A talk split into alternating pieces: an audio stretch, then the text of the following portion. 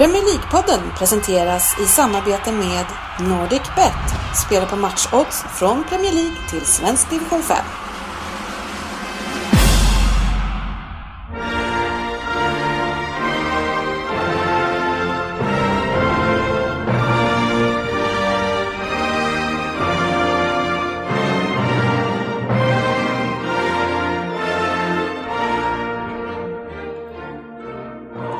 Här är Premier League-podden, fansens egen podcast om Premier League. Här har ni körschemat för vårt 139 avsnitt. Vi har varit på en stor resa och efter det ska vi fråga Vem där? Ja, det brukar i alla fall Ryn fråga. Fokusmatcherna var ju Chelsea-Tottenham och sen också från helgen som var nyligen. Ja, men vi, det, vi har ju haft ett uppehåll här nu på en vecka så det blir lite hoppande mellan två helger. Men Chelsea-Tottenham och sen City mot Chelsea, Arsenal mot Bournemouth och kanske lite West Ham mot Arsenal. Vi får se om vi täpper igen Svensson. Premier League-trippen kommer tillbaka och Fantasy Premier League. Välkomna ska ni vara till avsnittet och podden där alla tycker att de vet bäst och trots att det inte är så så njuter vi av den här illusionen och, och, en illusion av att veta mycket när man ska gå in i ett sammanhang är ju väldigt skön. Eh, och eh, vi, har ju en chatt på våran, eh, i våran WhatsApp-grupp där vi ofta pratar. Och inför första kvällen när vi landar i London så kan man se texterna skrivas fram och tillbaka så att vi är på väg ner till lobbyn. Och PL-podden Patrik står det här. Är ni utklädda? Frågetecken. Haha, är det här ett skämt? Då blir jag fan ledsen. ja. Patrik. Ja, det var, och det var ni inte, nej. Hela... till och med uppklädda. ja, exakt. Ja, jag var ju det var lite tvärt emot kan man säga. Mm. Jag försökte ju i alla fall lite, men jag köpte ju för snygga grejer på Myrorna så att jag fick ju liksom Ja, jag fick ju typ ta av mig och börja om. Ja, du har aldrig varit så snygg. Jag hade en diskussion om att han sa att de köpte dem, men där köper han alla sina kläder. Ja. Ja, med oss här innan vi går vidare har vi Fabian Jalkemo på länk från Norrköping. Tjena Fabian! Tjena grabbar! Läget? Jo, det är bra. Återhämtat mig. Ja, härligt. GV har vi på plats, vi har. Ryn på plats, 70-30 här, Svensson här och Kjellin är här. Välkomna ska ni vara. Det var ju en 90-talsfest som vi skulle på och vi har ju, hade många diskussioner kring utklädnad och hur man skulle ta, ta sig an den här festen, Patrik. Ja, precis. Jag, jag, det var ju diverse bilder som kom upp i chatten med, med inspiration från 90-talet och jag tänkte att jag vill inte vara sämre men jag blev förd bakom ljuset än en gång och kommer ner i lobbyn i en eh, katastrofal outfit för en eh, vanlig utekväll. Och den här 90-talsfesten, eh, jag vet inte, det var kanske fyra 90-talslåtar. Det var en vanlig, en vanlig kväll på stan. det var ju rätt många i början i alla fall, men sen var det ju... Ja, sen ja, det folk... var inte så många som var utklädda kan man väl säga. Nej, men sen började det ramla in folk. Det var Patrik. ja, jag hade väl någon form av camping slash uppklädnadsdräkt på mig. Det, ja. nej, andra, obekvämt. Vi andra såg ju relativt normala ut, men eh, Dennis Cheblin, han kommer ner med en jävla kavaj och näsduk och grejer. Fan, kom igen. Standard. kontraster. Standard. Ja, ja. vad härligt. På, ja. Kul hade vi i alla fall, fantastiskt kul. Och vem där undrade ju Anders Ryn när vi klev ner i tunnelbanan dagen efter och frågade var, var jag var någonstans. Eh, ja, jag var orolig för dig, ja. det var jag. Grejen var att jag satt bredvid. Ja, men, men du, har, du, har, aldrig varit så tyst så länge. Så att, eh, jag kände att fan, den här killen måste vi hålla koll på idag. Jag håller med, för Dennis Sedin hör man okej, okay, men man ser ju gärna inte på honom i onödan, så att när man inte hör honom, Nej, blir man lite orolig. Vad är han? Jag hör honom inte. Nej, det måste ha varit något med maten på fredagskvällen. Precis. Ja, ja den där jäkla maten, eller den maten vi inte Nej, det var alltså den engelska ja. Men vilken kalaskväll. Ja, det var trevligt. trevligt. Eh, rekommenderar för en trevlig avslappnad kväll på Inferno i söder om floden i New York, eller i London var vi. Eh, kanske inte kliva dit som i en, en liksom 80-tals Tänk en 80-tals college-student i jeans som har parat sig med en Bagheera-dress eh, och var, var Patrik. Ja, men det funkade. Men Putte är en stilig karl, men det var väl någonstans typ snygg kille, goes, husvagn över dig. Ja, precis, med autistiska drag. Ju- Men, ja, men det- men med det facet, du kan ju ta på vad som helst. Det är, nu är det ju nu är det liksom lagt på bordet. Du kommer undan med allt. Ja, Du precis. kommer undan med Du allt. är snygg nog till en uh, träningsoverall. Men en som inte kommer undan med allt, han är tyvärr inte här idag, det är ju trist att inte sportchefen är här eh, och inte Söderberg heller, han är ju han är aldrig här. Men eh, sportchefen, han, han var ju glad i hatten efter att vi hade sett Arsenal mot Bournemouth och ville ans- komma in i atmosfären på Arsenal-puben och tänker att här är vi alla vänner och här berättar jag att jag håller på Liverpool. Ja, det är ett genidrag. Slänger ut sig högt. Ja, ja. I'm a scouser. Det bästa är att man går fram till en i London med hans dialekt som absolut inte låter som en scouser och säger I'm a scouser. ja, han, kom dit, han kom därifrån med livet i behåll, även om det vad jag förstår var knappt. Tveksamt. Ja, han vart väl inte mest poppis på stället. Han var nästan eh, levande begravd, eller hur var det? Ja, lite så. Eh, Men, eh, Men då träffade jag trevliga norrmän som lyssnade på oss sen efteråt ju. Ja. Så då var det ju, som också var där, så de stod inte bara och nej, snackade med inbitna Arsenal. Var det inte norrlänningar och inte norrmän? Det var ju de innan. Nej, det var de innan Det var jag. ju Chelsea. jag tror att det var både och faktiskt. Sak samma. Fattar inte vad de säger Ja, du var inte där. Nej. Där drog vi alla över den kammen. Ja. Eh, Men om vi ska berätta lite grann om resan, om vi ska ta det här från A till Ö med vår nya resepartner Go Sport Travel. Eh, vi kommer snart in till matchen med, med Chelsea mot Tottenham som är ju eh, något över det vanliga. Eh, men vilken bekväm och härlig resa det var, Frippe. Du som var med från starten.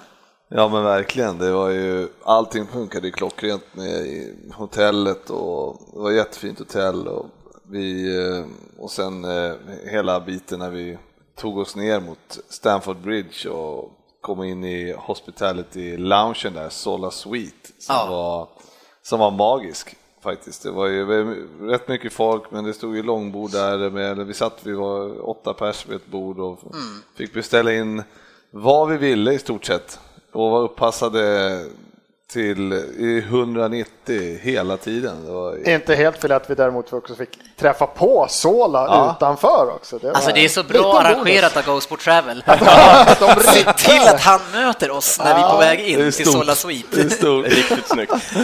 Nej, men att den här hospitality, det här, man kan ju köpa olika paket såklart och det här är, heter hospitality någonting.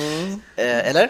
Jo, det, Ja, det gör det. och det, och det, jag har ju testat liknande när jag var i Liverpool och varit i deras superlunch. eh, lunch. Och jag hade ju ganska låga förväntningar utifrån det. Sen när vi kommer in i det här superfina, alltså superrestaurangen och det kommer in det är uppdukat, massa smårätter, plock och allting. Och så kommer de med en, den här menyn som du pratar om, man kan beställa olika maträtter. Tänker man så man kan välja en? Nej, men ni kan välja en och så tar vi in till allihopa och sen får ni välja vad ni vill igen och sen valde vi en, en igen och så kunde, alltså det, och det, det var, var lite jättefint. som eh, tapas, eh, ja, tapasrätter kan man säga. Riktigt fina, fina Ja, det tapasrätter. var grymt och så eh, schysst rött vin eller vitt vin eller vad man ville Ja. ha, bira eller Argentinskt var tydligen tonic. viktigt att ja, det var. Ja, jag frågade efter det här på bolaget här men de hade slutat med det. Jaha. Snacka med sportchefen. Ja, ja jag får kolla. Ja. Men, eh, Nej, det och sen var- så är liksom därifrån så går man genom två dörrar och sen in igenom uh, ute på arenan egentligen i stort sett. Ja, precis. Och sen tillbaks i paus eh, in och så stod det någon sån här ostbricka var grejer när vi kom in där och så var det lite, ja, lite snack och så. Ja, och kunde man spela innan eh, om man ville det och ja, lite. De hade, synd att inte sportchefen är med, var det crème brûlée? Crème Det brûlée. man kunde få crème De brûlée. har inte kvar crème Det- brûlée nej, det- efter sportchefen har varit där, men de hade det. nästan. Det fanns crème brûlée innan sportchefen kom. Det, det var ju också så att eh, jurgarna skulle ju försöka hitta då till var vi satt vid gate Ett. 1 va? Ja, och de var borta, då stod det row 7 på deras eh, på, deras biljett, då gick de till gate 7 och härjade. Så de missade ju första tio. Men det, ja, man hade inte förväntat sig sådana. De har ju bott i Rosersberg hela sitt liv. Men det är ändå eh, sportchefens, eh, alltså hemma, andra hemmaplan London. Kan Jo, man, kan ju ja. tycka att Sola ska komma och leda ut oss då Ja. i det läget. Ja. Om, om man ska ge Ghost Sport Travel någon kritik.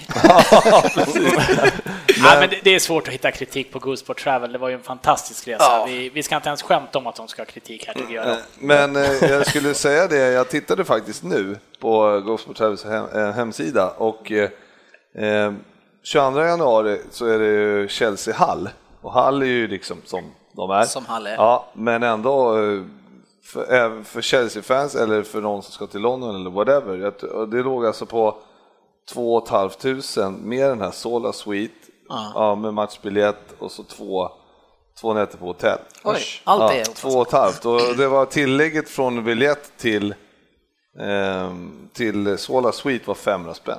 Ja, Ja, och det, det är jag menar, det är ju värt varenda krona alltså. det är det verkligen. Och vi var väl lite sådär nonchalanta. Det kanske var mitt fel för att jag pratade om hur det var i Liverpool när vi tänkte att vi skulle vara där två och en halv timme innan. Så vi var ju där kanske en och en halv timme. Ja. Det blev ganska perfekt. Ja, det var perfekt. Men hade vi kommit senare än så, då hade vi gråtit blod. Alltså. Mm. Det, för det var ju en fantastisk uppladdning och jag, jag kan tänka mig, har man företag och reser på det eller man gör andra liknande grejer, det här är klockrent alltså. Det är bara att boka på. Mm. Åk inte till Stamford Bridge utan det. Alltså. Nej, nej, nej, fan grymt. Och sen, och sen så kom man ut på, eh, satt ju ganska, eh, vi satt ju bra hög och så jävligt ro, fin arena, Stamford Mm. Bridge tycker jag, var trevlig liksom tight. Och sen hade vi ju infravärme som satt uppe vid, på läktartaket så att det vär- värmde ju också. Så att man, Det var verkligen ett Ja. plus, eh, för det hade vi inte när vi såg på Arsenal och där var det lite kallare. Ja, det är ju ett kylhål. Det är ju ett kylhål. Det är inte så det, var mysigt där lite, ute. det var lite närmare baren på Emirates. Ja, det var väl positivt. ja för vissa, eh, eh, jag vet inte, det var tredje dagen. Sådär. Någonting man skulle kunna säga kring det här med att eh, Go Sport Travel är officiella biljettleverantörer, det var att när vi kom ner till den här arenan, då stod de ju i rader och, och, och berättade folk att man ska vara beredd på att visa upp biljetterna, biljettkontroller. Eh, Så just det här med att köpa andrahandsbiljetter eller tredjehandsbiljetter, det är ju extremt olagligt där borta, de tar ju väldigt hårt på det. Eh, Så i det läget så kändes ju det skönt. Och då, Det var ju sjukt safe, man, det var ju det som var så jävla skönt. Man behöver inte gå och vara orolig för någonting. Det var Nej. helt perfekt. Ja, toppen. Ja. Riktigt härligt var det och vi kommer tillbaka till Chelsea-matchen. Vi kan väl ta ett, ett par andra nyheter först. Veckans nyheter. Och jag vet inte egentligen om det är nyheter i sig, men vi stoppar in det där under. Och Jag tänker att vi ska prata om två grejer. Jag tänker att vi börjar hos dig Fabian eh, och Patrik också för all del och prata lite grann om succéinhoppet från Fellaini i helgen eh, och ytterligare ett kryss. Hur, hur mår man en tisdag då? Man är van. Ja, det var det tråkiga korta svaret. Vad säger du? eh? Nej, men det, det, är ju, det är ju fortfarande så att man, man mår ju bitvis bättre den här säsongen än vad man gjorde på hela förra säsongen, i princip. Trots att ni egentligen presterar sämre i år, poängmässigt. Ja, poängmässigt exakt, men spelmässigt så är det faktiskt roligare att kolla i år. Men sen så blir det ju den här att man sjunker tillbaka och väntar in och kvitteringen kommer som ett brev på posten och Fellaini kommer in och det gör så fruktansvärt ont bara att se det där jäveln. Ja, men, men alltså jag vet att eh, Fabian, du sa exakt samma sak förra året. Ja, vi har mindre poäng än under Moyes, men det känns bättre. Nej, det var för två år sedan. Är det två år sedan, eh, Ja, Fanchal? det, det, det, det är två år sedan. Jag mådde lite bra i början när jag bodde Ja, där, när jag var ja, lite okej, hoppfull. okej. Men eh, jag håller ju faktiskt med Putte att eh, man mår ju bättre nu än vad man gör förra året. För nu ser man fram emot att se United spela, för jag tycker att det är kul. Sen resultaten och poängskörden är under all kritik, men Kan det inte bara vara så Ja. att du har sänkt kraven sjukt mycket? vad sa du för något? Kan det inte bara vara så att du har sänkt kraven sjukt mycket? För alltså Jo, så det- roliga det- är ni inte det- att titta på. Det är klart jag har sänkt kraven, men vi spelar fortfarande bet- mycket bättre fotboll än under van Gaal. Om vi tar just den här matchen i, i, eh, som vi pratar om nu mot Everton så gör vi inte en jättebra match, men vi har fortfarande kontroll på Everton i egentligen 65-70 minuter. Och sen så sjunker vi ner. Det känns som det sitter mentalt. Förr i tiden satt det mentalt i våra spelares huvud att det avgör i slutet. Nu känns det som att det sitter mentalt att vi släpper in mål och tappar poäng i slutet. Jag såg någon statistik att eh, mål efter minut 70 i Premier League i år så ligger United på sista plats. Vi har gjort ett mål efter den 70 minuten. Och då ligger man inte högre än vad vi ligger, då ligger man efter West Bromwich, så enkelt är det. Nej just det, vi kom. Men, Men är det inte så här nu att, att jag menar, José Mourinho är van att kunna stänga sina matcher, men han har ju haft ett litet annat lag, defensiva kungar i alla lag han har varit i. Och nu kommer han till det här laget där det är en jäkla röra bara i ett försvar och ni har Rojo som mittback och det är, att försöka stänga en match och spela defensivt sista 20, Patrik, eh, det är Nej. inte riktigt läge alltså. Nej, men du har, du har tyvärr rätt.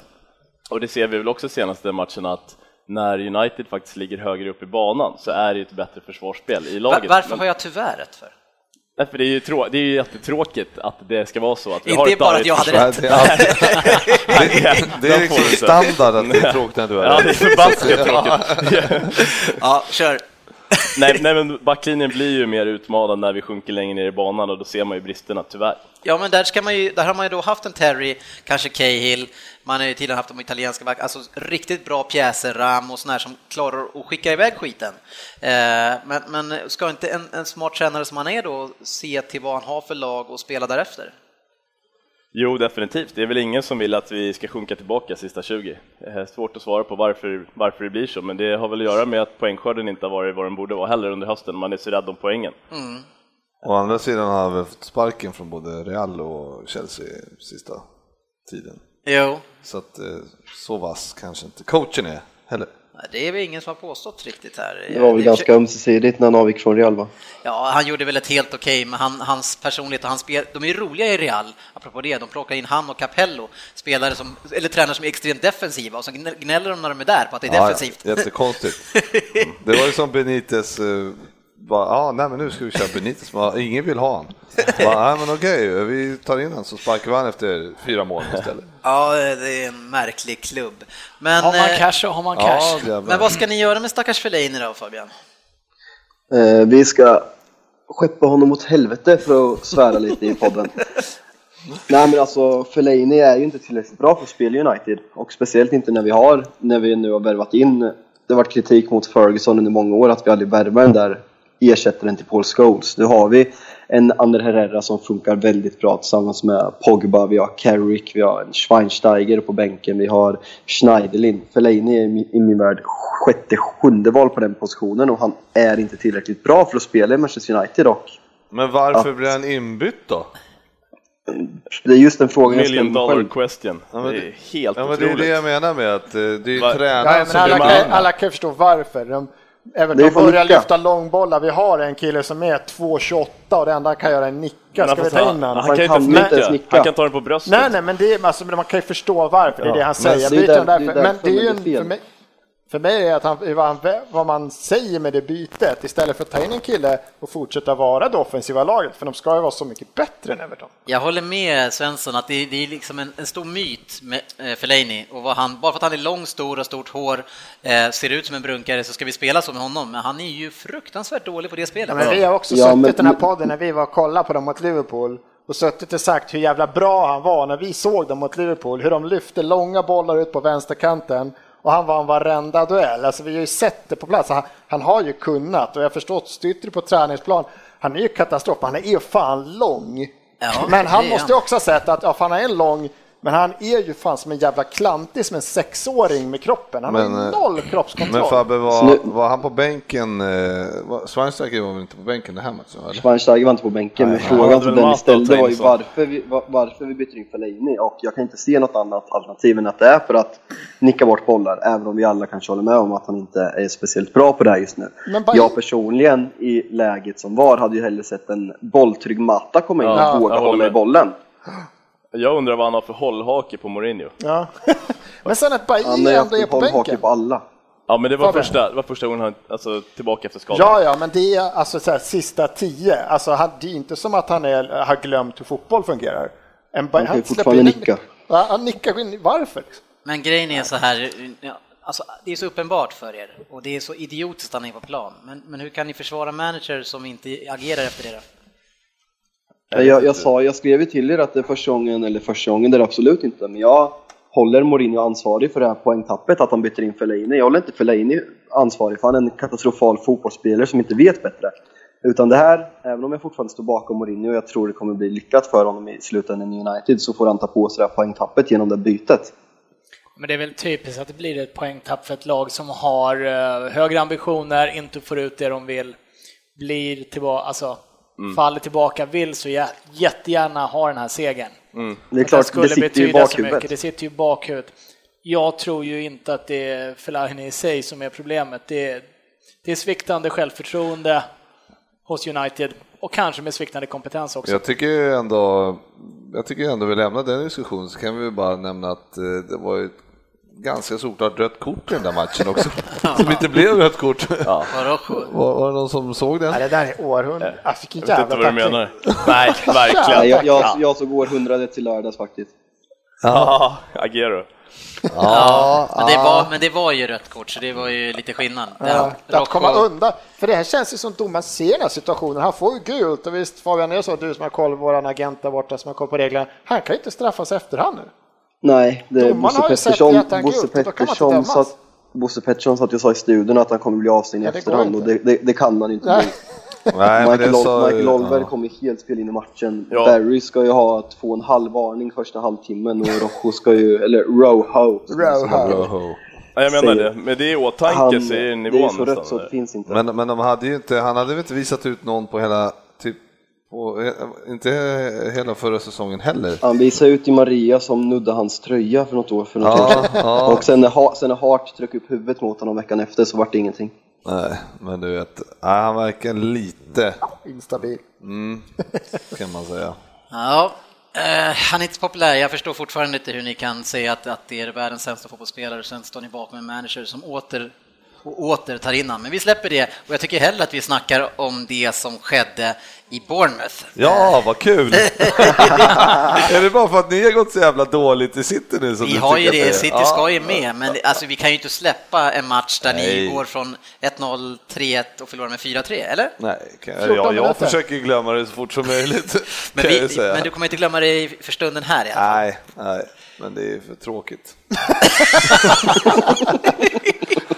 Svensson, ska du eh, berätta för... Nej, för fan inte han.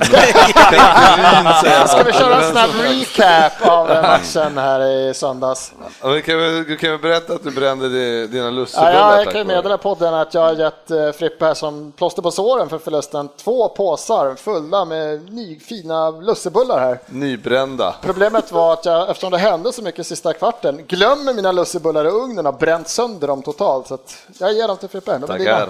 Kan även tilläggas att Frippe hittills inte haft en enda tanke på att bjuda oss här inne på en. Jag, kände på dem och bara, eh, du kan åka i någon slags... Ta emot dem av artighet. Tack så mycket. Nej, men två snabba av Liverpool i första där. Som, alltså, ni behöver inte kämpa in bollarna heller. Boruc är ju hyfsat vänlig där både mot Mané och Origi va? Ja. En liten rundtur på båda där som jag vet inte vad han håller på med. Ja, sen så får vi en reducering av andra i Bournemouth, men sen så dunkar Chan in ett fint långskott och man tror att det är klart va? Och då skickade Nej. jag lite så här syrligt på chatten att Fan vad nice, eh, inte för att jag vill att ni vinner men nu har jag ju faktiskt spelat på Liverpool så att, ja ja okej.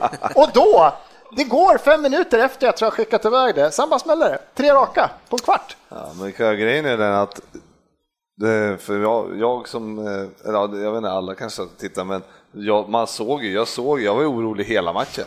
Alltså jag var orolig från, eh, alltså när det var 2-0, man bara, jag stod typ och spelade lite fotboll med lillgrabben och bara, alltså vad fan, är inte den här matchen slut snart? Det är alltså för det här, det såg ju så jävla risigt varför ut. är det så? Varför? Ja, varför är det så? Ja, men vissa matcher så har vi absolut eh, noll eh, koll på försvaret. Men hur kan det bli så helt plötsligt efter att ha spelat så många matcher bra? Helt plötsligt släpper ni in fyra mål. Ja, det, det vet inte jag faktiskt. En centrallinje som väl- inte håller. Nej, vad oväntat. Man väntar den på den kanske?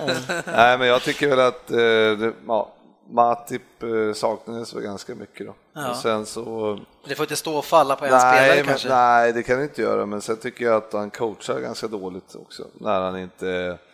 Eh, han borde kunna ha gjort ett eh, andra, byten. Han gör ju bara ett byte i hela matchen. Ja. Ja. Men Hur har det varit de andra matcherna när ni har eh, liksom hållit nollan och gått bra här nu? Har han byter mycket då? Det vet jag inte, jag kommer inte ihåg. Men Klavan som sitter på bänken, alltså han har varit skadad och inte tränat. Nej, alltså, nej varför? men, men själva grejen är att Lukas har ju varit ganska, han, är rätt, han har varit rätt duktig. Han spelar några matcher. Så det, det... Han gjorde någon fin assist där någon match också. Ja, men, ja, Bakåt. Ja, precis. Ja, men det var ju länge sedan.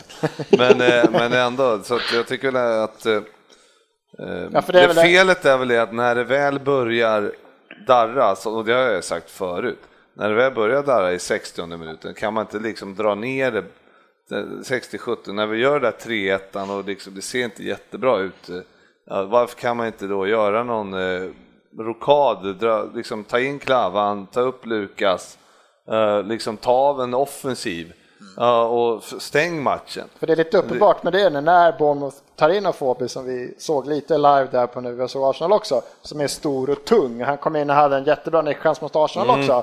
Och han, hur han så uppenbart söker upp Leiva på 1,30 liksom Ja, i närkampsspelet.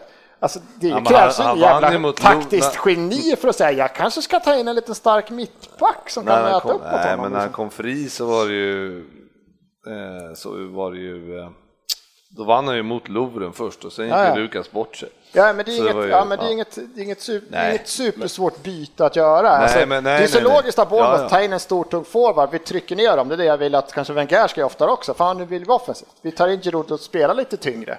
Men, men det är så fortfarande så intressant, för Liverpool släpper ju till minst skott Ja, ja. i ligan. Alltså med... Ja, men sen har vi målvakt som inte vill rädda bollarna. och sen släpper ni in flest. femma. Det är Ja, så jäkla lustigt. Ja, ja. Och- Över, överlägset minst skott på, Ja, men man, ja, man börjar ju tappa hoppet om eh, Karius också här för att eh, man, det, det är hål hos var, honom. var femte avslut går in Ja, i nästan. men det är så.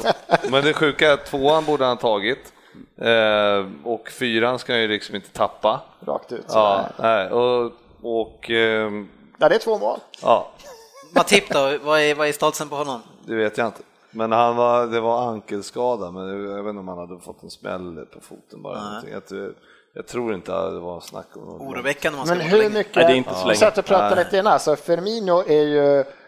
Det är snällt att kalla honom osynlig nästan. Ja, jo, jo. Alltså hur, hur, för ni sitter och berömmer att han är så stark, han är så viktig för ett anfallsspel, han löper, löper, han bidrar och bidrar. Men ändå alltså, spelar vi ut. Bournemouth totalt i hela första halvlek. Liksom. Ju, och ändå kan det ju stå 2-2. Det är det som är så sjukt ju. De har ju en straffsituation som kunde blivit eh, Ja, men det är ändå Mané som kanske är drivande för anfallsspel i den här matchen. alltså Firmini är ju inte men bra. Ma- Mané var inte bra heller alltså. Nej, men han skapar ändå. Men jag tycker, jag tycker vi styr matchen och sen som en, men i och med att vi inte eh, vi håller liksom inte riktigt i kvaliteten och det är därför jag sitter orolig hela matchen. Och sen kommer det ju som ett brev på posten på slutet och då vill man ju verkligen att, här, när vi släpper in 3-2, vad fan gör ett defensivt byte nu så och stä, liksom täpp till det här. Inte riktigt Klopp-style känns det som. nej, men det gör han ju inte. Och, och sen så står han efter match bara Nej, jag känner att jag inte kunde ha gjort något mer. Man bara, jo det hade du visst kunnat ha gjort. eh, Liksom. Sen att de släpper in 4-3, alltså jag känner ju så här, okej, vi- men matchen känns redan förlorad när man tappat från 3-1 till 3-3. Så Liksom. då tycker du att det är lika bra att förlora istället för att få ett kryss? Nej, men man är fan, Logiskt. jag är lika besviken. Ja, ja, ja. Så Men, kan man men säga. eh, i det, Fast in det the long roligast run för så- oss andra. Ja, ja det är det ju. Ja, men jag var ju så sjukt besviken. Fan alltså. Men jag tror Fir- Firmino försöker ju, alltså han, han har en hög utgångspunkt, men han kommer ju ner väldigt mycket och försöker spela Coutinho-spel. Ja, men han spelar ju på en annan position också än vad Ja, han brukar göra i och med att Origi gick i mitten. Precis, Ja, ja. men han, går, han, går, han kommer ner lite, Ja. lite väl långt. Han Ja, kommer inte med så så- mycket där framme och, och ska stå och lite, lite Nasri finlira runt omkring och eh, straffområde, alltså inte längre än straffområdet går han nästan ju inte. Nej. Utan ska stå och försöka länka ihop. Ja, men det är ändå så. Vi, vi styrde matchen sjukt bra första 45 ändå. Och, man ska Och då var du inte orolig menar du? Jo, jag var orolig hela tiden ändå. Men vi, vi, vi, i och med att vi gör som Putte säger, vi släpper in Släpp, skjuter de ett skott på mål så går ju det in. Ja, så att det, alltså, ja, ja. Så det är alltså, Då är man orolig helt Ja, enkelt. man är alltid orolig att det ska Ja, det bli är så jävla svårt att hitta bra defensivt starka målvakter. Ja, ja, men en, två, en 2-0 se- en tvåmålsledning i Liverpool är aldrig en säker ledning. Blir det 2-1 då är vi mycket Det väl 2-2. svåraste som finns i fotboll. Ja, det leder med två mål. Men det är ju som att elda på Svensson efter allt han har sagt, att ni kan inte vinna ligan på grund av just det där.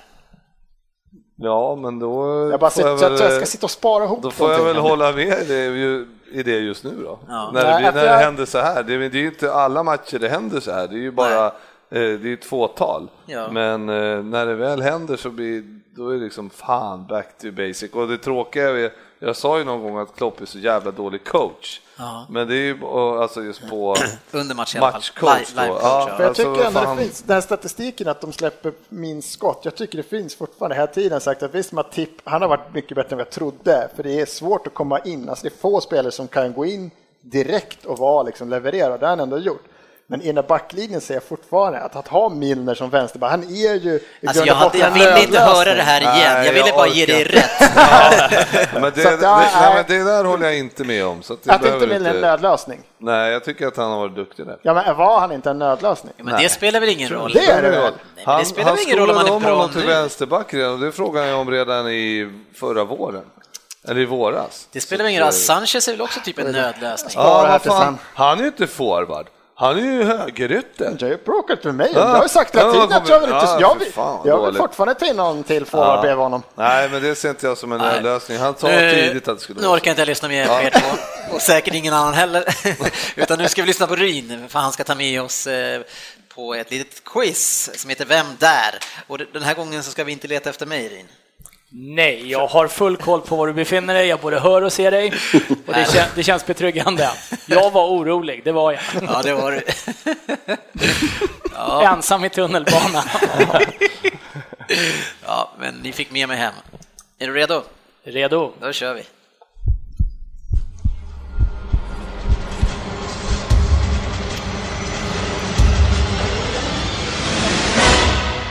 Vem där? Cherry Boys. Det var en solig dag. Ni vet en sådan där man bara läser om och minns från sin barndom. Det var då jag föddes bland kullar, bäckar, pålande bäckar och enhörningar. Igen? Nu. Nej, nu räcker det. Det är inte boktipset med GV det här. Vi kör som vi brukar. Jag hörde att ni var i England förra helgen. Men mig såg ni inte. Inte live i alla fall. Jag har hunnit bli 41 år nu, men jag syns både på plan och i rutan då och då. Born and raised in Consett, Durham. Karriären startade jag redan 1990. Duke of Edinburgh Awards. Där visade jag mig för första gången. Som ung och som så många andra unga började jag som kantspringare innan jag arbetade mig in mer centralt. Där trivdes jag ju mycket bättre och fick användning för min blick för spelet. Som sagt, det startade i Skottland och Edinburgh, men i själen är jag en äkta Geordie. St. James's Park är där jag trivs allra bäst. Även om jag aldrig fått springa ut i den klassisk svartvit randiga dräkten, som många ändå förknippar mig med.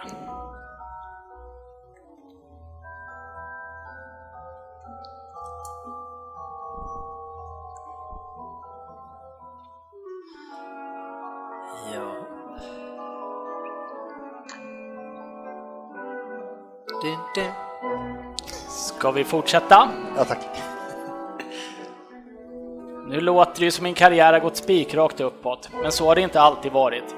Jag har fått en hel del skit och jag har blivit anklagad för både det ena och det andra. Inte alls roligt. Jag har faktiskt till och med slutat med att jag blivit avstängd längre perioder. Men jag gav mig inte så lätt. Jag stod på mig och överklagade. Det blev en infekterad fight mellan mig och FA där jag nekade till allting. Stundtals var stämningen lika hetsk som en avslutande dag på en jämn finnkamp. Ingen vill vika ner sig innan det är över. Det tog ett tag innan jag återigen fick göra det jag gillade allra bäst. Tillbaka på planen, centralt. Några höjdpunkter i min karriär. Orkar inte dra alla redan nu. Men visst har jag deltagit i ett OS bland annat och varit med när de stora pokalerna delats ut, även om jag trist nog aldrig fått lyfta pokalerna som segrare själv. Men å andra sidan, alla har ju inte fått vara med i ett OS heller.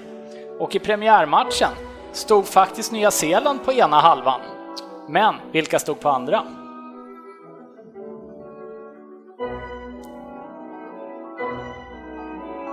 Ja, säg det du. Sex poäng. Min stil? Ja, i England skulle den nog kallas för determined. Bestämd. 2008 är nog ett av mina absolut tuffaste år. Totalt 10 röda kort. Lite i mesta laget, även för mig. Och jag nämnde att jag var avstängd va? Nästan ett helt år, eller säsong, hur vi, vad vi nu kallar det. Men jag var faktiskt tillbaka till sista omgången efter det. Efter ett helt års avstängning, men jag kom tillbaka starkare. Och nu hade jag lagt all skit bakom mig. Eller nja, inte trodde ni väl på det. Chelsea och jag har ju aldrig dragit jämnt. Och dialogen om vad jag kanske, eller kanske inte kallat John Obi Mikkel under en match föll väl inte direkt väl ut. Ingen längre avstängning, tre matcher och 60 000 i böter. Som ni vet, det drabbar ingen fattig. De tre matchernas avstängning motiverades med att jag skulle ta uppmärksamheten ifrån matcherna och lagens supportrar. Jag? Varför hamnar jag alltid i händelsernas centrum? Det låter ju helt orimligt. Jag är ju som allra bäst när jag inte syns.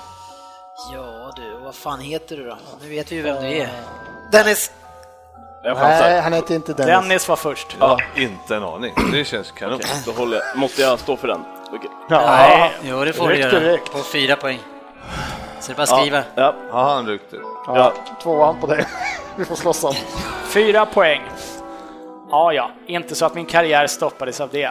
Jag är ju både karismatisk, extrovert och internationellt erkänd. Och lite gnäll får man ju räkna med i min roll.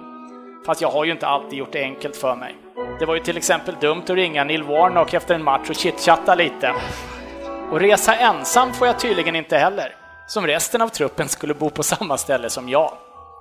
Utseende? Fåfäng? Jag? Absolut. Bland annat har ju min tatuerade kropp rönt en hel del uppmärksamhet. Men som jag ser det, all uppmärksamhet är bra uppmärksamhet. En devis jag verkligen har svårt att hålla mig ifrån. Och trots som jag tidigare nämnde att jag inte som segrare fått lyfta några pokaler, så pry- pryder de nu mer min kropp i alla fall, i bläck. Din, din. Två poäng. Två poäng. Nåja, nog, nog vet ni vem jag är nu. Internationellt erkänd, hatad av många. Okvädningsorden har haglat trots att jag inte ens Frippe, spelar själv. säger. Nej, aha, okej, okay, då sa jag. Okej. Ja, du har gissat i alla fall. Så. Du får noll ändå. Skriv nu. Ah, då, jag har ingen att skriva då. Nej. Du har ju Det, ryckt. det är ju taktiskt Kan att du förstöra för mig? Ja. Det borde vara minuspoäng när man rycker bara för Ja, sabba. men men nej. Där, men- jag, jag är domare så det här... Det här Eh, men, Ja, ja. Vänta då, jag måste skriva. nej, nej, nej, det är bara nej. att skriva om det har ryckt. Ja. Skriv direkt. Nej, han är utesluten. Ja. Jag fortsätter med sista. Eh, Okvädningsorden har haglat och trots Men att jag jag inte ens spelar här, själv okej, ja. så har nästan alla en supportrar en åsikt om mig. Tvivelaktig karaktär? Ja, det har jag antagligen. Totalt 86 röda kort under min karriär. En hel del matchavgörande och ett otal tveksamma straffar. Men också Champions League-finaler, OS-finaler och hur många matcher i Premier League som helst. Amen. Och jag räknar med att ni vet vem jag är. Ja, jag, jag hoppades rätt. Klattenburg tror jag. Det är Klattenburg. Ja! Men det är det eller? Ja, men vad fan. Här, jag har skrivit Mark här. ja, det räknas inte efter det du höll på med. Ja, Patrik. Snyggt. Jag eh, var faktiskt inne på Joey Barton. Jag hittade inte domaren, men fast eh, snygg ledtråd med svartvitt där. Ja, men vad Ja, fan. den var lite Ja. på trean. Det där är ju... Alltså, Jag, jag vågade inte skriva honom för jag tyckte det var pinsamt att säga liksom när det var... Men ni har ju fel. fattat att det var en domare på sex poäng i alla fall, eller? Som Ja, bäst. jag jag, inte- ja. jag Nej. fick inte ihop det där med Nej, jag var för lost. det där till Mikel, för det var ju mot United, så då borde det satt. Jag bara tänkte... Ja, men jag, jag Ja, visste ju att det var Klatten. han? Ja, jag visste ju att det var Klattenburg, men det var ju... Jag Tydligen inte. Ja, men jo, men det, jag vågade, jag tror, tänkt, jag Nej, vågade inte skriva på en domare. Det är mycket bortförklaringar nu, GV. Väldigt roligt det där med tio, eh, tio röda där. Då trodde man ju fortfarande att det var en eh, spelare. Det, det, är, det Ja, är men då han. var en Roy Barton Bellamy, men han spelar ju i Newcastle. Jag Ja, men tio röda, man tänkte, men fan vad var det för idiot som tog tio Men vad sa, vad sa du med Edinburgh? Ja, han, han började döma uppe i Edinburgh som linjedomare. Vet inte det. Ja, ja, nu ser jag det. Jag var inne på en skotte hela tiden. Ka- Kantspring. Men jag sa ju att han eh, var en Ja. riktig Geordie. Ja, ja, jag... Och sen svartvitt räckte ju åtminstone en hockeydomare. Ja, Rådbjer. Direkt. Ja, den var bra. Varför törs? Ja, vi får snart dra upp snittet här. Jag för mig att jag tog en sexa ganska nyligen. Ja, vi släpper det där tycker jag. Nu är Putten det... och nere på 0,4 nu. Ja, Eller? tackar Fabian. Ja, så det. Veckans fokusmatch. Ja, släkten är värst. Eh, City-Chelsea just nu och Roberts har gjort mål på bortaplan för Celtic. Herregud, men det är inte det vi ska prata om. Eh, Och det ska vi vara glada för, i alla fall jag. Och, utan vi ska prata om eh, matchen Chelsea-Tottenham som vi var och såg live. Eh, Och förutom Sola så var vi på väg därifrån och då såg vi Jimmy Floyd Hasselbank som nyss har fått kicken vad jag förstår från sitt uppdrag som tränare i eh, någon Championship-klubb. Eh, Jag kommer inte ihåg exakt på vilken det var, men där var han i alla fall. Tänkte ta en selfie med honom, men han började springa för han såg ut att ha bråttom. Nej, det var faktiskt fascinerande. Precis när vi ska gå och ta kortet så börjar karln faktiskt springa.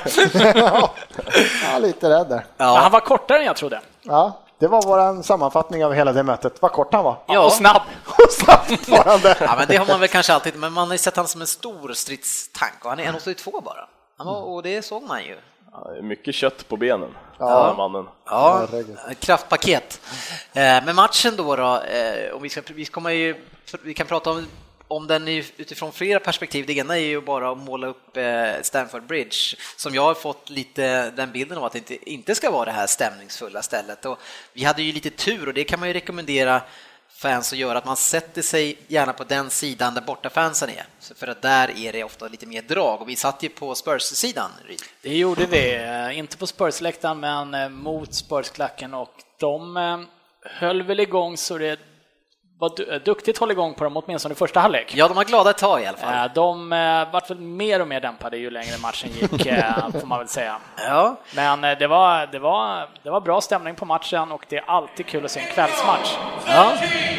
Jag tänker att vi, eh, vi lyssnar lite grann på hur det låter också medan vi pratar. Det var ju, eh, Chelsea-sidan var ju sjukt eh, trötta i första halvlek. Sen var det ett jävla drag i andra.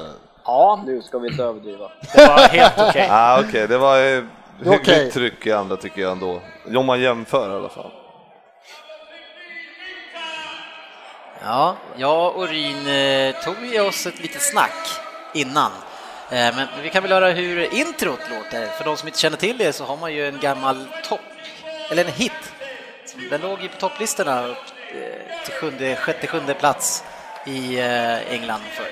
Den låter så här.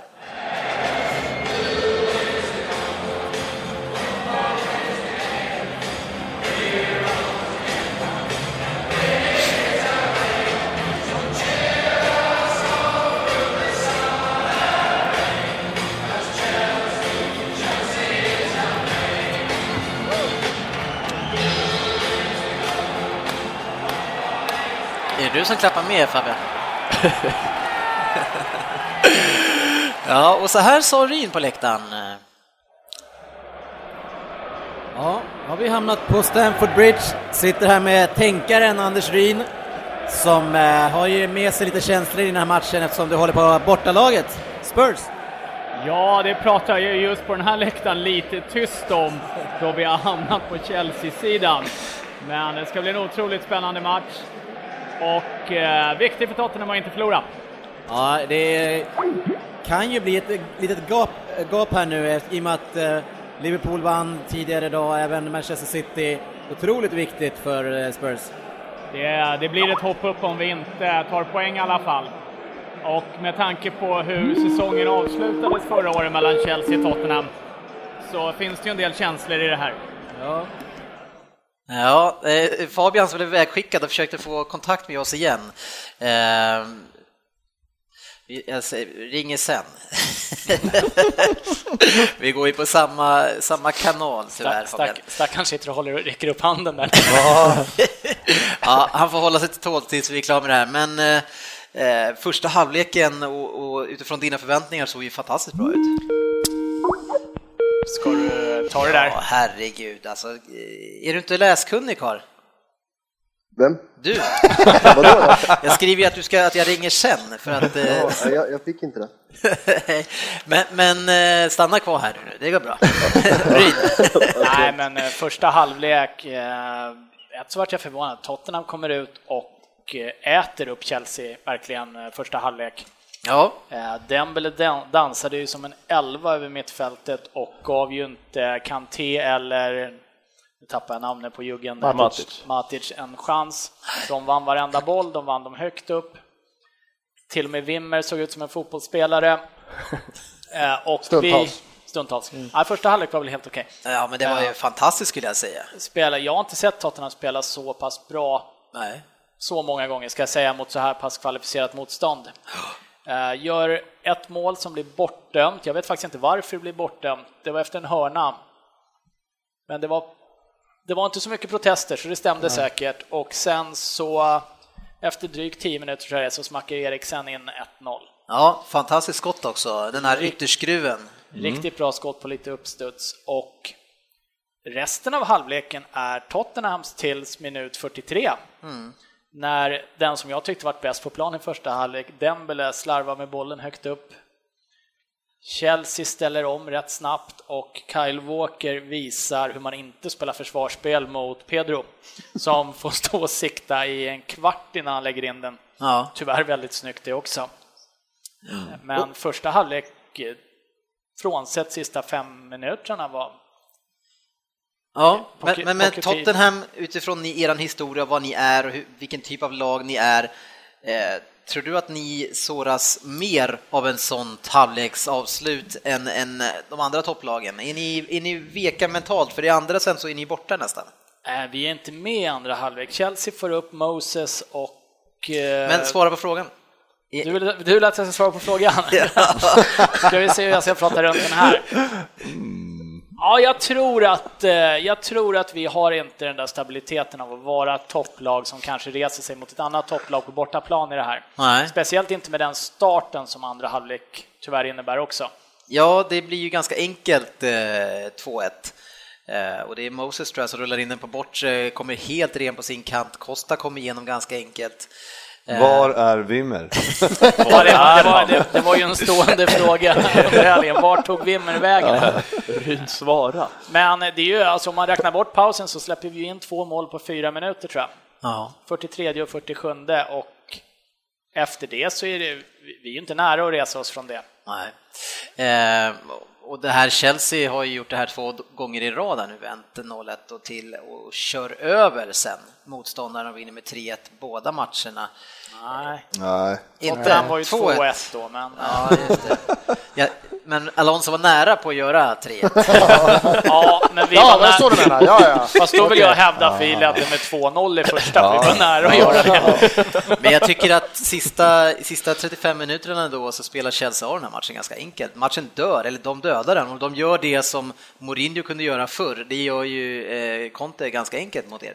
Eh, Conte eh, får ju matchen precis dit han vill och man tycker att man ser att han får upp sina wingbacks lite högre, stänger Tottenhams kanter helt och Kanté och Matic vinner de här bollarna som Wanyama och Dembele vann i första halvlek genom att de kommer högre upp i plan också. Mm, Ja, för det första, Ja. första var det tydligt hur den här trebackslinjen som Chelsea spelar med blir ju en fembackslinje om man väl får tryck på dem. Får man dem högt då blir det en fembackslinje och då är Chelsea mycket svaga för då har de egentligen Hazard, Costa bara att spela på. Alltså det blir ingen... Mot vissa lag så räcker det. Det räcker.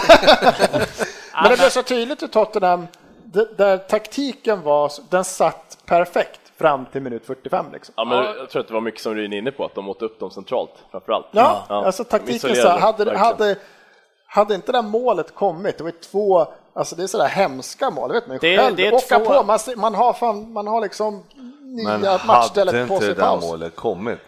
Nu kom det tyvärr. Ja, men eh, Det är ju Dembele som dräller med bollen till båda målen. Ja. Eh, och eh, sen, eh, det är man stänger en fotbollsmatch av Chelsea efter det. Det blir väl också ganska tydligt att nu har vi Lamela är skadad, eh, Rose var borta. Vi har inte så mycket att slänga in för ändra en matchspel. Vi slängde in Vincent Jansen och idag lyckades han inte ens dra på sig en offensiv frispark så att Ja, Jag tycker det som är skillnaden när man kollar, ni hade den här Carter Wickers, Onoma, Jansen, Nkodu som vi fick se, Han var han, hette, var ju fin. Medan Chelsea då satt med Fabregas, Oscar, Ivanovic och William. ja, det är en viss skillnad. Det är en viss skillnad. Vi slänger in Harry Winks som ska vara oerhört lovande, men snubben är ju 21-22 max. Men det är, jag tycker att det är talande det som Svensson säger, det som Chelsea, de, ni får ner dem, deras ytterbackar eller wingers kommit upp och det är det de justerar sen till andra och de får upp dem i banan och då tar de över under en period och avgör matchen. Och framförallt så var det, tycker jag, att det var Tottenhams vänsterkant som inte höll måttet. Lucas Moses är ju spelbar exakt hela andra halvlek. med gigantiska ytor och det fanns alltid ett lätt alternativ för dem att lyfta en långboll ut på högerkanten och där hade han hur mycket tid och yta som helst.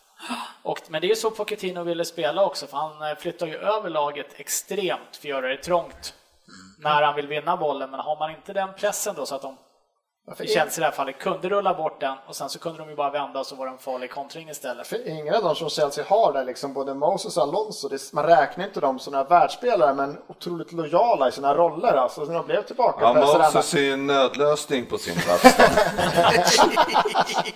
Burn! Nej, men de är så otroligt lojala i sina positioner. När de, men när de väl får komma upp, man ser det hur Tottenham som flyttar över så måste ju, de väl gör ju ett val. För ska de inte spela så här, Hazard och de hade ju tagit över kontrollen totalt i mitten annars när de kommer upp så högt. Ja, ja, de, vill, de att vill ju stänga ytorna. Det är, det är ju uppenbart. Men eh, har man inte den pressen och inte vinner bollen hyggligt tidigt i det, då, eh, då är Chelsea bra nog för att sätta ut den på de här det ytorna också. Det är som- Man, man kan ju tycka att Tottenham ser sjukt bleka ut, men det är också så att Chelsea är fan tunga alltså. Ja. Det är ju så. Absolut. Däremot så skulle jag vilja lyfta ett ord för, eh, nu vill jag säga direkt, jag tycker Chelsea gjorde en jättebra match. Men jag tror Fabbe någon gång har använt uttrycket icke älskvärd om Chelsea och det är ju Diego Costa i ett nötskal. Tog det ungefär 30 sekunder innan han började vifta med armarna och lägga sig. Inte ens det. Ja, Och då tänkte jag det här är det obehagligaste jag sett. Så vi såg Sanchez dagen efter. ja, jag, eh, Fabregas är också en sån spelare. Nej, men eh, Chelsea gör det jättebra. Det var en fantastisk, det var en, det var en jäkligt bra fotbollsmatch tyckte jag generellt. Tyvärr Ja. med fel segrare. Ja, det var kul. Ja, det var en riktigt bra match. Men jag tar med mig Dembeles trippande från de första 40 minuterna när han flöt över planen och ägde det. Och att han gav bort bollen till båda målen. Nej, jag sa bara första 40.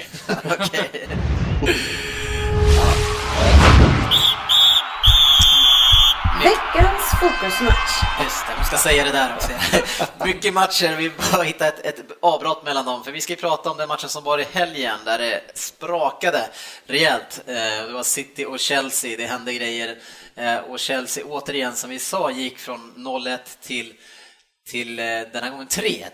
Eh, Och jag tänker att vi börjar först att prata med en spelare som vi har sågat vid fotknölarna och och vi har kanske ännu mer sågat Conte som tog Itan till England igen. Men, men David Luiz är ju en del av det här försvaret som nu har släppt in typ två mål på 8-9 matcher. Eh, vad säger vi om David Luiz nu? Är, har vi blivit lurade? Är han en jättebra back? Jag, jag, jag känner mig liksom... Nej, men jag tror att eh, med rätt omgivning så kan han ju föra sig. Men eh, när han ska styra en backlinje själv, då är det inte lika roligt. Ja, han hamnar i en bra roll i den här sorts Mm. treback. Att han, han kan ju vara lite Hawaii, han kan göra ja. några framstötningar och dribblingar. Alltså, tappar handen lite centralt mitt, mitt på planen när han gör sin ride så alltså, de har sån täckning på honom. Det är som att han... Men vem är det som styr då? För vi har ju aldrig höjt upp Cahill till någon som kan styra en backlinje. Vem är det som styr den här backlinjen då? Nej, men jag tror att de trivs ihop bra. Det är ingen som styr, delat ledarskap. Ja, ja, exakt. Och tror jag att eh, Conte är nog säkert sjukt tydlig i vad han vill att de ska göra. Ja, Så han att, säger eh, väl, han låter väl inte någon röra sig en meter utan att han skriker nej. att vad de ska Så göra. att, eh, nej, så att jag Fy tror att fan, eh, alltså. det är väl han som styr backlinjen. Förmodligen. Så, det kan vara så. Men är inte Kane ganska, är, inte han den som liksom tar det här lite säkra spelet hela tiden? Jo, alltså, men- jo. Och vår kära Luis är de som kan alltså, sätta igång bollen lite mer i spelet. Men De alltså, känner ju den- ändå den varandra ganska bra. Va? Jag, Och, jag tycker man ser skillnad på Luis också när han får spela markeringsspel, så att säga, inte zonförsvar, utan han sitter i hälarna på Agero som han gör i helgen. Han är det, där är han ju faktiskt riktigt bra. Han är ju riktigt äcklig Ja, han är bra på att vara den är här jobbiga jäveln och när han kan vara den här jobbiga jäveln men också ha någon sorts, jag vill inte kalla det frihet, men han kan gå framåt lite grann utan att han riskerar liksom hela laget. För det är alltid minst två man bakom honom känns som. Så- det är ännu en icke älskvärd spelare. Men eh, jag tror vi har varit lite väl hårda mot honom faktiskt eh, här i podden om jag ska vara ärlig. Det, det är absolut ingen dålig försvarare. Och då säger jag försvarare, men fan, nu ska han ju lira försvar i Chelsea också. Det är ju Mm. uppenbart att det är det Conte sagt. De här tre, jag kan inte uttala han Atsi. Aspilicueta. Ja, precis. Har han? Och eh, Cahill. Ja, Det har- är ju defensivt. De är tre mittbackar, de ska se till att vi inte släpper in mål. Det är ju jättetydligt. Ja, men så också sen när de blir som de blir mot Tottenham, tillbakatryckta, så är det ju en fembackslinje. Alltså det, det känns som att då kan han vara lite överallt. Han kan gå upp och stöta på någon eller så kan han gå, gå bort. Men de är Ja, men det är nog liksom- hans roll och jag tycker inte han gör så. Han går ju inte bort sig som man Nej, har nej, sett han då kan bort han göra det. Han kan ju spela sitt, för han är ju lite en chansförsvarare. Det är lite som taktiken han kör på Aguero. Det är så här, han skulle lika gärna kunna kommit två meter senare och bara råkapa Aguero liksom. Det är ju ingen marginalspelare vi pratar om, men här gör det, i fembackslinjen så blir det inte lika känsligt. Det är ju en perfekt roll för honom. Liksom. Ja, du, du menar tvärtom att han är en marginalspelare? Ja. Eller? Ja, Eh, men han är i alla fall, men, och sen, men slipper man ju se han springa upp och göra sådana här äckliga filmningar och grejer. Ja, han är, har ju det i sig, Ja. men det är, jag tror ändå att det är dags att kanske vänta Ja. lite grann med sågningen på honom. Det känns det ändå som att han är en liten nödlösning där i mittbacks... Nej, jag, jag tror att vi är farligt nära att få göra en pudel på vad vi har sagt om Davis faktiskt. Ja, ja, det, det, jag börjar bli orolig för det. Eh, vi, vi har ju... Men vadå, spelare kan väl utvecklas? Med en Nej, bra coach och vad fan, bara för att man har varit dålig förut behöver man inte vara det hela livet. Jo, du var det. Ja, Men sen att bara att tackar. ha, tre mittbackar bakom, nu spelade inte Matic den här, men ha, fram, måste ha Kanté framför. För den killen kan äta upp en ytor alltså. Alltså den här matchen, man, Ja. inte för att man ser han så jävla mycket hela tiden, men alltså jag tycker han är så jävla bra alltså. Men jag tycker ändå att vi hade hyfsat bra ytor framför deras. Man såg att, att Martin saknades.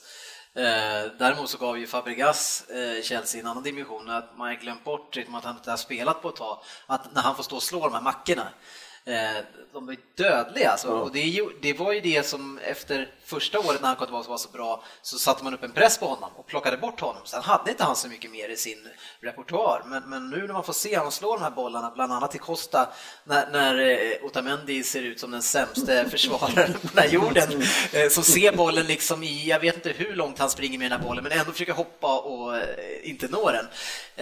Så ser man ju- och så tittar man ju liksom vem är det som står och slår den här supermackan, så är det Fabregas. Så han har ju det i sig. Eh, eh, fram i första halvleken här, jag tycker att den är, Chelsea gör det redan bra från början, även om sitter mycket boll.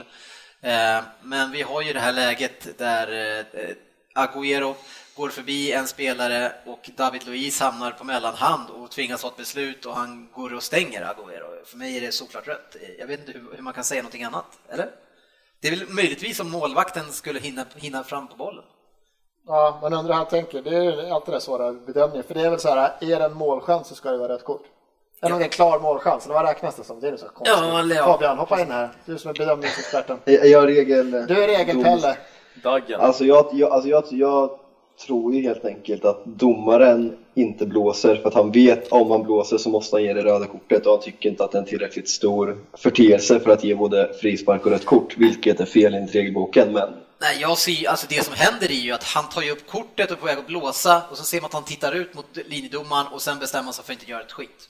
Jag tycker, jag tycker, Så inte, var att, ju jag, tycker inte, jag tycker inte att det är rött, för jag tycker inte han är fri där. Vem inte- är det som Vem- stoppar han på vägen han fram har till mål? sprungit förbi Luis. Men jag tycker inte, det är tre, fyra Chelsea-spelare runt honom också. Jag tycker inte att det är rött. Däremot tycker jag att det är en solklar frispark. För det Behöver du se en repris på det där? Förmodligen, ja.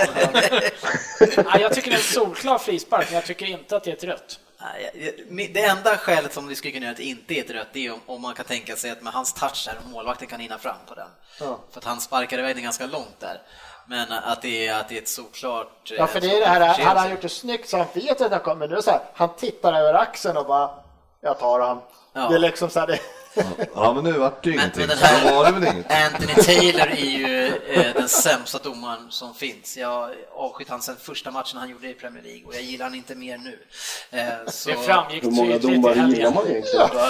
här, vi rackar ner ganska hårt på de där spelarna. Nej, han är ingen kul den där killen. Men eh, båda lagen har ju bra lägen tycker jag i, i första. City är ju ganska lätt, som vi pratar om att mot City så hamnar ju Chelseas backlinje hela femman ganska långt ner, men mot vårt försvar så kommer man ju ändå fram till lägen, för vår backlinje är ju inte det mesta. Eh, men en Agüero då som får den här smällen, han har ju hur många öppna lägen som helst i den här matchen. Jag vet inte hur mycket han bränner. Han ska ju göra två, tre mål eh, i den här matchen. Ja, det är helt rätt. Alltså, det går inte att säga så mycket mer. Visst är det så. Det, är, det kan hända även den bäste. Jo, fast det händer ganska ofta, Agüero, att han bränner mycket. Eh, Ja, men jag tycker ändå att alltså, jävla konstig debatt. Det har ju varit jättemycket. Alltså, varenda engelsk media har liksom tagit upp det här att Aguero, han, börjar, han missar så mycket. Men alltså det är för att han, han, han är ju fortfarande, alltså, det här, nu är han kanske dålig, då skapar han 7-8 klara målchanser per match. Alltså det finns ingen annan forward som är i närheten av det i Premier League och vara så dålig men skapa så mycket. Nej, men han skapar mycket, han, han, absolut. han måste ju nästan, han gör väl fort, nästan ett mål per match fortfarande. Han har varit skadad den här säsongen Han, också han har ju matcher. näst flest skottförsök i hela Premier League. Ah. Och han gör ju mål på 17 procent av dem. Det är ganska bra. Vem har flest? Ibra. Det är nog Zlatan va? Tänkte Han har, även, eh, han har även flest utanför och flest i blocket också, Ibra. Ja, I blocket kan jag verkligen se att han gör alltså. Mm. Nej men alltså om du är på väg mot någon sån här, ja det kan vara dags att byta ut honom nu så får ni gärna skicka honom till vilket annat lag som helst. För jag tror ingen här skulle Nej, liksom säga det, nej. det, är gör fan jag ju inte. Men, men fortfarande det är- bästa forwarden. men han, han skapar ju fantastiskt mycket för att han är så jävla bra. Ja. Men sen skulle jag önska att han satte fler chanser. Ja men det förstår jag. Och sen är det att han, han är en sån, om man tittar på, det finns många bra forwards men där du kanske bara får den avslutaren eller du kanske får nästan, men han är ju så jävla komplett. Alltså han är ju anfallsspelet i många era matcher också. Han är, jag tycker han är Sen har ju De Bruyne en hyfsad chans att stänga den här matchen också. Bra uttal där. Ja, är, är, är det så? Bruyne. De Bruyne. Det är Broine. Är du lingvist också? Så säger de i England, det är bra. Ja. Eh, 1-0 blir det i alla fall till City och det är Navas, eh, han, det var någon som sa det att eh, han kommer fan aldrig förbi första killen med sina inlägg och det gjorde han inte den här gången heller, men det räckte. Eh, Cahill styr in den här snyggt i bortre krysset, eh, var ju väldigt rättvist. Eh, och jag tycker att den här första halvleken var kanske det bästa vi har gjort med City hittills. Vilka kontraster det kan vara, men utifrån det motståndet vi hade, och det kanske du kände också i Tottenham, så det är någon sån där, fick vi göra den Gör, halvleken? gör inte en bra halvlek mot Chelsea, det kommer straffa sig. Men det är ett fruktansvärt fint alltså mittfält där, Fernandinho, Gundogan och sen kanske Bröjn Silva om man ska räkna in dem också. Det fruktansvärt spelskickligt mittfält alltså. Det. Ja, och även tycker jag eh, Sané när han kommer rättvänd och med fart. Alltså, han är ju han har ganska mycket tyngd bakom sig också. Eh, Han är ju han är in, in, inne i någon sorts eh, omställning där man borde ha gjort eh, mål. Det borde man göra för många olika här. Men jag tycker att ändå han ser bra ut. Han har ju mer i lådan att ta fram, än, än, tycker jag i alla fall, än vad Sterling har. Eh, Och det är väl ingen annan som kommer säga emot mig i den här podden på det. Eh, Men däremot De Bruyne som vi pratade om tidigare, efter han gör den här missen, han missar ju mål från två meters håll ungefär, eller kan det ha varit närmre? Ja, det var ju helt sjukt. Ja, men efter det, alltså, han var ju skärrad alltså, han klarade, han lyckades inte med någonting, var det någon som tänkte på det? Ja, han såg mer rosa ut i ansiktet än vanligt. Ja, men inte kanske bara det utseende fixerade, utan, utan att han, han missade passningar. har du inte. Konstant smålullig sen inte va? Men eh, Chelsea kvitterar väl strax efter De Bruynes miss där också va? Ja, det är ganska kort efter och det är, Otamendi förlorar ju som vanligt en höjdduell. Eh, Den här gången är man en mot en mot Costa. Eh, Jättefint. Och det är ju Fabregas som lirar fram och han gör ett kanonavslut. Eh, Så må vara, men det är ju liksom Otamendi 1-2 målet också när han tjurrusar på mittplan som en av två mittbackar i en omställning, missar och går på fel sida om spelare. Alltså jag har nog aldrig sett någon sämre Junior. försök. Ja, det, det, det är sämre än junior. Alltså jag vet inte vad han gör för någonting. Alltså. Ja men det är så här, där man tar in Luis, alltså spelar man med den här fembackslinjen, för det är det där försvarsspelet Luis gör och det tror jag nu syns det inte lika mycket för han kanske har både en Cahill och Aspelqueta som täcker upp. Men Otamendi ska liksom vara den killen som ska vara den stabila kanske av de där mittbackarna. Sådär va? Nej, det, det går inte. Ska han vara den stabila?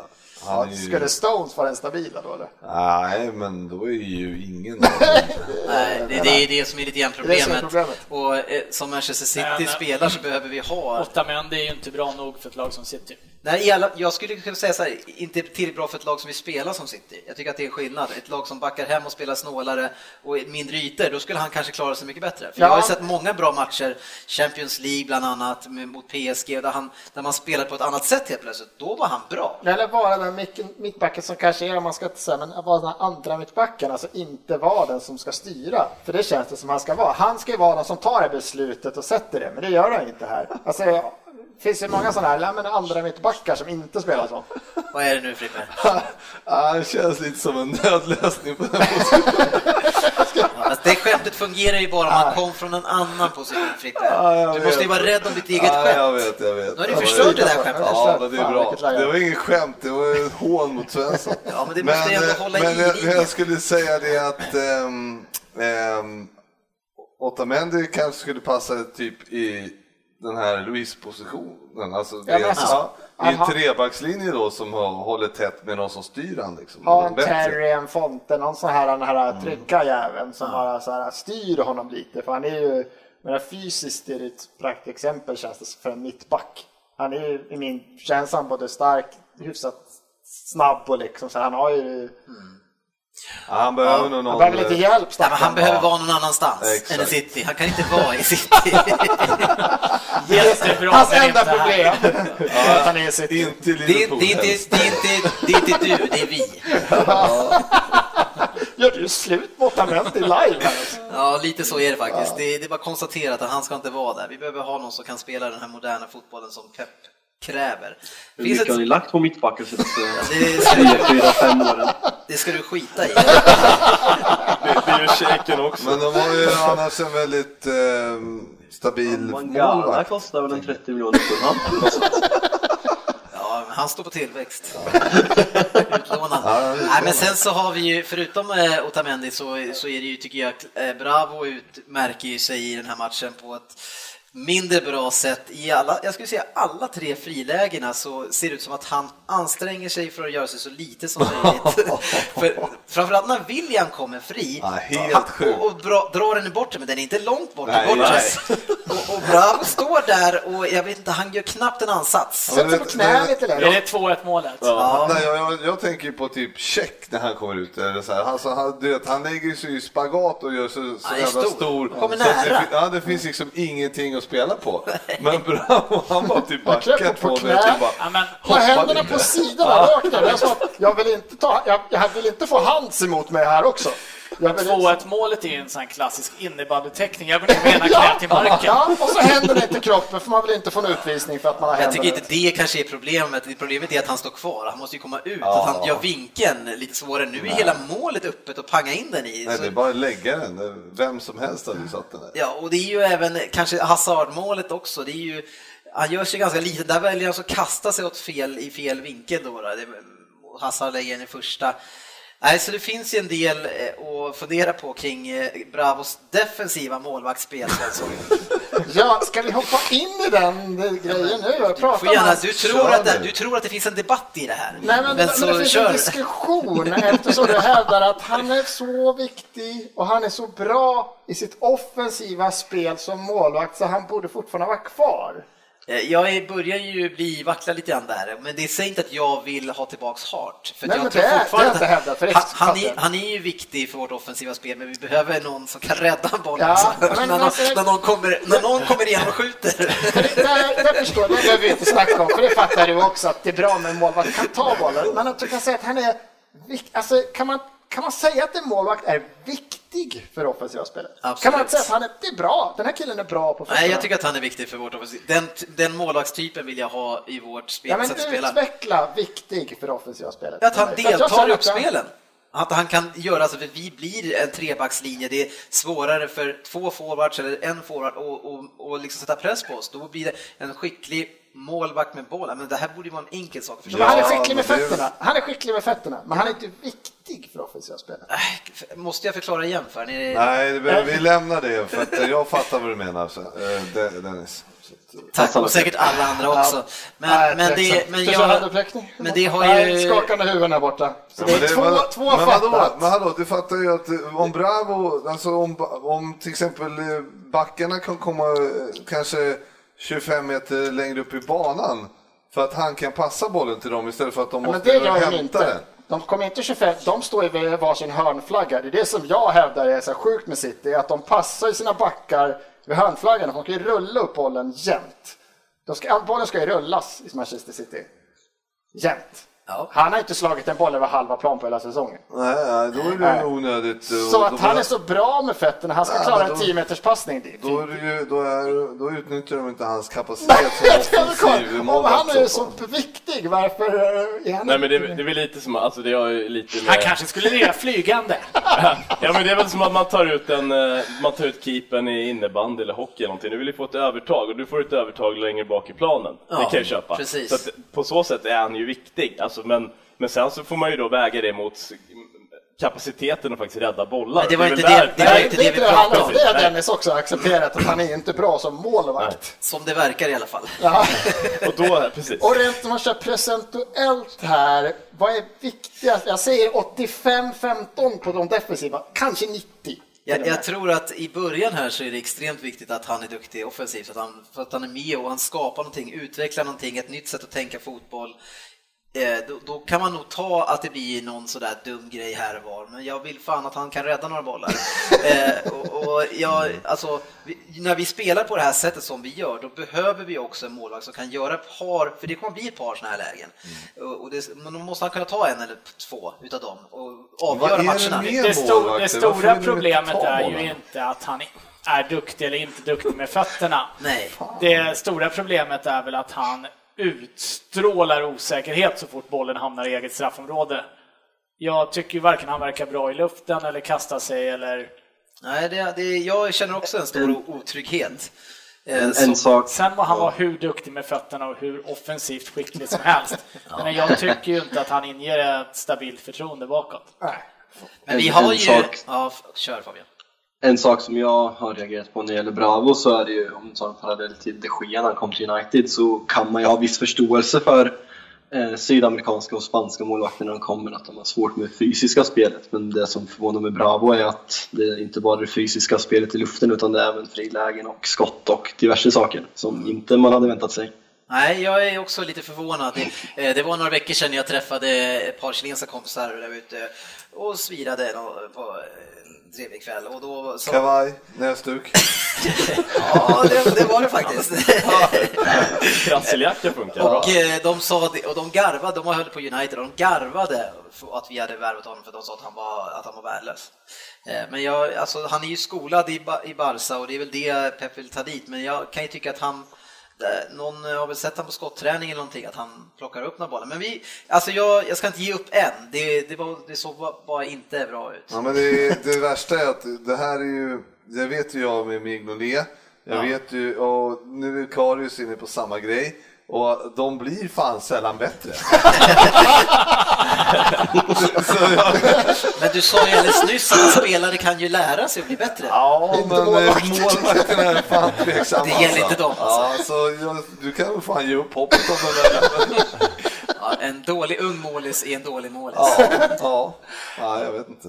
Sen slutet på den här matchen är ju eh, efter det här så har vi ju då eh, Agüero som frustrerad över att eh, han har missat mycket lägen, han har inte fått med sig rött kort och säkert en jäkla massa grejer, skit mellan han och Luis från tidigare matcher i sydamerikanska mästerskap och annat. Får ett läge eh, i slutet och kastar sig in med en hoppspark och försöker krossa Luis knän, tror jag, med dobbarna före. Eh, och det här uppskattas inte av Chelsea-spelarna. Eh, Det är märkligt. Det är märkligt. Eh, och blir tumult. Eh, och, och i samband med det så går Fabregas fram och örfilar Fernandinho, varav han också blir sur. Det förstår jag inte heller, eh, jättekonstigt. Och varav han tar Fabregas och går iväg med honom över eh, reklamskyltarna helt enkelt och får rött. Eh, men, men har Fabregas fått rött än eller måste jag ringa till någon och anmäla det? Förmodligen så måste du ringa och anmäla. Det verkar inte bättre. Ja, båda, ingenting. båda klubbarna har blivit an, anmälda så det ska väl bli någon sorts utredning så att det kan ju vara flera avstängningar på de som inte fick kort under själva matchens gång. Där. Kan För han ska ju ha... Ja, For not being able to control their players, eller vad var det som... Ja. Det, var, det var något sånt. Men det är, han, han ser så uträknande ut också. Men Han fattar några efter en halv sekund att nu har han tänt någonting. Och så går han och tittar lite Hån sådär äckligt Hån till höger ja. och vet att någonting är på väg. Och det där är, fy fan Ja, vad ja, var det man fick när man spelade här NHL, men alltså- NHL, NHL 8, man fick så här man fick utvisningar när det blev slagsmål och den, men den som startade slagsmålet fick så två Ja, minuter men extra. Fernandinho. Fernandinho, de startar ju i sidlinjen. Ja, och, och sen så knuffar han lite hela tiden, bara lite så här, typ en halv meter. Hela, alltså, och, och Fabregas gör ingenting för att liksom stå kvar. Han bara backar, bara backar backar. och sen så närmar sig reklamskylten och så tittar han bak och så ser han att det är där och så får Han typ sig. en, alltså typ inte ens en touch knappt och då bara ah! Alltså, försvara aldrig Fabregas beteende, för det är så här. Men alltså, man kan ju också lite, Fernandinho din Ja, jävla ja. nolla liksom. Ja, men det är väl klart det är är onödigt, Så men- jävla fjantigt Ja, att så fortsätta. händerna på halsen ja, men det är så det, men- fjantigt. Jo, men Det är ju klart, fan- jag försvarar inte Fernandinho. Vad Men fjantigt. det är lika barnsligt av Fabregas att hålla på sådär. Ja, men Alltså hela, hela Ja. här gruppgrejen som blir så... Åh gud. Ja, men det- alltså. ja, Spelare fan. springer 40 meter och ska liksom... Har Men det, men det det. är ju den här tacklingen som är överjävlig från Agüero. Eh, Och jag tycker att jag har sett ett mönster med honom senaste två åren ska jag säga att han är grinigare och grinigare när det inte går rätt för honom och han gör lite sån här tjurigt. Han hade väl någon armbåge eh, för inte så Ja, många tre matcher? Ja, och där han, där han också lackade till och han har- hade också svårt den matchen. Ja, han har väl av, sju matcher han avstängd den här hösten. Sju matcher avstängda. Ja. Ja, så det är någonting som har skett där. kan ju tänka mig hur Louise har gått hela matchen, speciellt när Chelsea vänder.